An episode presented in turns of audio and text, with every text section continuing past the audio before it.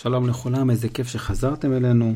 אנחנו ממשיכים את הסיפור שלנו, סיפרנו שעם ישראל הפסיד במלחמה מול העי, הם היו חזקים ועם ישראל נאלץ לברוח, והסתבר שהסיבה הייתה בגלל שעם ישראל מעל בחרם, ועשו מה שהיה אסור לעשות, ואחרי שמי שעשה את זה קיבל את העונש שלו, שזה היה החאן, זה באמת לא היה פשוט אה, מה שקרה לו, אבל בסך הכל הוא חטא. אז אחרי שזה קרה, עם ישראל יכול עכשיו לנסות שוב ולנסות לנצח את העי. בואו נראה אם הם יצליחו.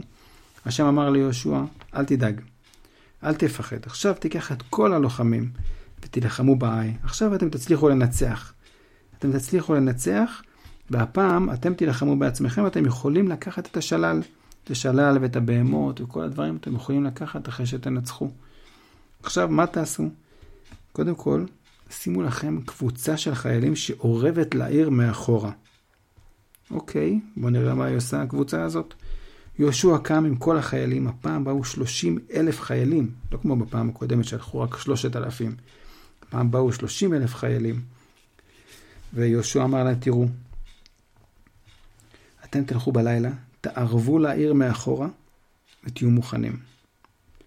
אני וכל העם אשר איתי נתקרב אל העיר. כאשר אנשי העי יראו אותנו, הם יראו אותנו, יצאו לקראתנו להילחם בנו ואנחנו נברח. ואז הם יחשבו שאנחנו בורחים כמו בפעם הקודמת.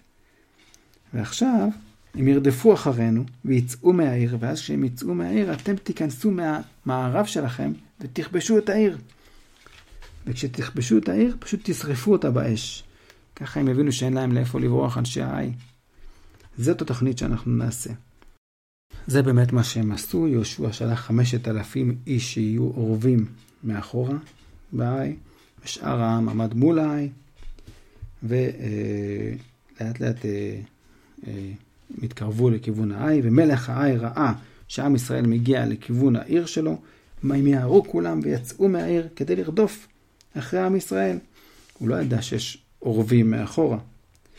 ויהושע וכל עם ישראל עשו כאילו הם בורחים, וכל אנשי העי יצאו מהעיר והתחילו לרדוף אחרי יהושע, וככה הם עזבו את העיר. לא נשאר אף אחד בעיר. והעיר ככה נשארה פתוחה, ורדפו אחרי עם ישראל.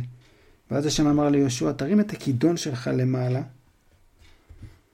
יהושע הרים את הכידון שלו למעלה, ואז כשראו את זה, הקבוצה שאורבים מאחורי העיר, הם מהר מהר קמו מהמקום ורצו אל העיר, ולכדו אותה. ומהר הם שרפו אותה באש. ואנשי העי הסתכלו אחורה וראו שהעיר שלהם נשרפת. ופתאום הבינו שאין להם מה לעשות. לא היה להם ידיים לנוס. ועכשיו אלה שבורחים, עם ישראל שבורח מהעי, הפך להיות זה שרודף. וככה בעצם העי ראו את עצמם מוקפים משני הצדדים.